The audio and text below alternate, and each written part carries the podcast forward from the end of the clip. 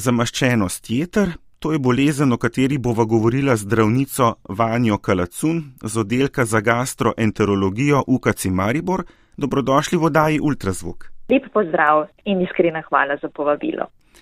Jetra so naš največji notranji organ, skrbijo tudi za razstrupljanje telesa. Kaj potem vzrok, da se maščoba lahko v njih nabira? Kopičanje maščob v jetrih nastane večinoma kot posledica preobremenitve jeter, torej eh, prevelikega vnosa hrane, bogate z maščobnimi kislinami in prevelik vnos toksičnih substanc, kot je alkohol ali potencijalno za jetra škodljiva zdravila. O zamaščenosti jeter veliko krat slišimo, o tem se tudi veliko govori po eni strani so tukaj propagandna sporočila, po drugi strani pa tudi preventivna opozorila, ki spodbujajo k zdravemu načinu življenja. Kako pogosta je sploh zamaščenost jeter? Ali je to bolezen sodobnega časa ali ne? Zamaščenost jeter je izredno pogosta v našem okolju je pa lahko posledica ne samo nezdravega načina življenja, ampak tudi drugih bolezni v našem okolju, pa predvsem posledica prekomernega uživanja alkohola, pa tudi posledica okužbe z virusom hepatitisa B ali hepatitisa C. Ko izključimo druge vzroke za jetrno okvaro, kot so alkohol, virusni hepatitisi in druge bolezni, takrat lahko govorimo o nealkoholni zamaščenosti jeter. In danes bomo govorili prav o nealkoholni zamaščenosti jeter, o tisti, ki jo ne povzroči alkohol, pa tudi ne virusi, ta pa je posledica nezdravega načina življenja. Tako. Kakšno diagnozo postavite zdravniki, kako vi rečete? Bolnikom pristopimo sistematično. Naredimo pogovor in klinični pregled, dodatno opravimo laboratorijske preiskave in običajno ultrazvuk trebuha. Najpogosteje eh, nealkoholno zamaščenost jeter pravzaprav ugotovimo z eh, naključno ugotovljenimi povišanimi vrednosti jeternih testov.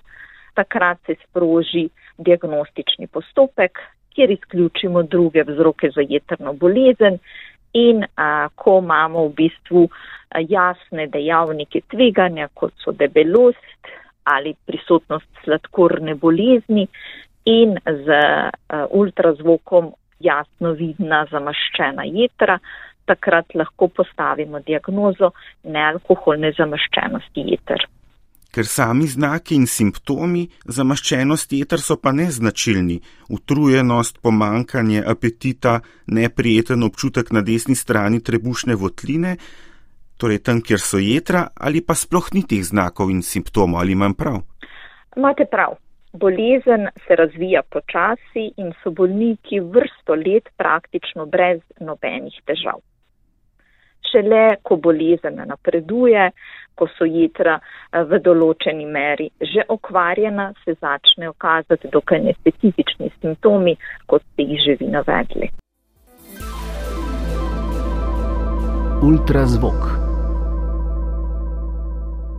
Zamaščenost jeter je lahko samo začetek. Sama zamaščenost v osnovi ni zaskrbljajoča, vendar lahko vodi eh, v napredovale oblike bolezni, kot so pojava vnetja, kar mi imenujemo nealkoholni steatohepatitis, kjer v celicah ni samo eh, kopičenje maščob, ampak pride tudi do njihove okvare in do znakov vnetja, torej samega hepatitisa ko imamo že enkrat napredovalo obliko, torej nealkoholni steatohepatitis, takrat v bistvu lahko pride tudi do ciroze jeter in do njenih zapletov, med katerim lahko nastane tudi rak jeternih celic.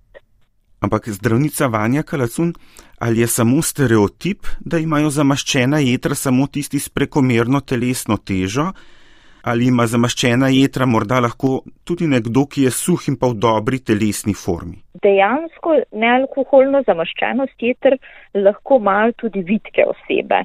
Obstaja ena posebna entiteta pojavne alkoholne zamaščenosti pri osebah, ki imajo še telesno težo znotraj normalnih okvirjev, vendar pri teh osebah zaznamo druge bolezenske dejavnike, pogosto imajo povišen krvni pritisk, zelo pogosto te osebe imajo postopen porast telesne teže, ko pač mi izmerimo, je še vedno v mejah normale in te osebe tudi zelo pogosto uživajo pijače, ki so zelo sladkane in ki imajo visoko vsebnost fruktoze, kar eh, se zelo povezuje z nastankom nealkoholne zamaščenosti jeter. Če sem pa vas prav razumel, sta debelost in pa sladkorna bolezen najbolj povezani z zamaščenostjo jeter. Tako. Debelost in sladkorna bolezen sta dejansko glavna dejavnika tveganja za nastanek. Zato pravzaprav eh, pri bolnikih, ki imajo prekomerno telesno težo in pri bolnikih, ki imajo sladkorno bolezen,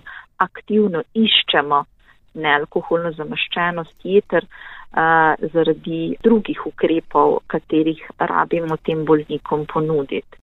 Dodatno tudi ostali dejavniki tveganja, kot so povišen krvni pritisk, hiperlipidemija oziroma povišena raven maščob v krvi, so tudi dejavniki tveganja in vsi skupaj so združeni v en sindrom, katerega eh, mi imenujemo metabolni oziroma presnovni sindrom. Še en podatek bi rad preveril.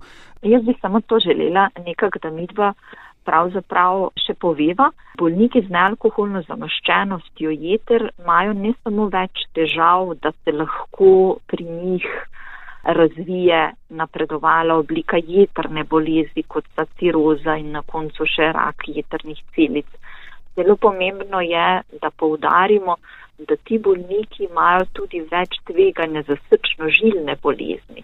In pri bolnikih, pri katerih ugotovimo napredovale oblike, potem obvezno naredimo tudi presejanje za dejavnike tveganja za srčno-žilne bolezni. Ker ti bolniki imajo potem večje tveganje za nastanek srčnega infarkta, možganske kapi in je zelo pomembno, da ne samo skrbimo za jedra kot organ, ampak tudi druge zaplete, ki so sočasno prisotne. Pri bolnikih z nealkoholno zamaščenostjo jeter, torej srčno-žilne bolezni. Ultrazvok. In če spremenimo življenjski slog ali se zamaščenosti znebimo? Z spremembo življenjskega sloga, redno telesno vadbo in zgubo telesne teže oziroma ohranjanjem normalne telesne teže lahko bolniki se znebijo zamaščenosti jeter oziroma tudi v določeni meri napredovale oblike bolezni se lahko ob odstranitvi škodljivca, kar je v prvi meri prekomeren vnos energetsko bogate hrane, torej če se znebimo tega osnovnega vzroka, takrat lahko opažamo tudi izboljšanje jeter in regeneracijo. To je pa zdaj dobra novica ali držijo ocene, oziroma kaj vi vidite v vaši ambulanti, ali drži podatek, da ima kar vsak četrti evropejec že zamaščena jedra. V naši praksi dejansko opažamo res podvojitev te bolezni.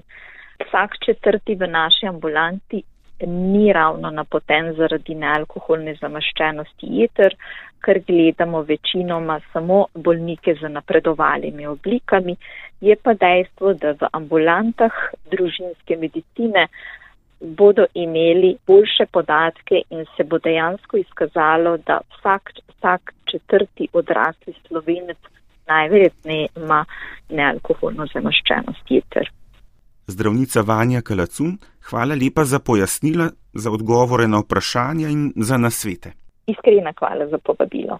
Nasidanje srečno.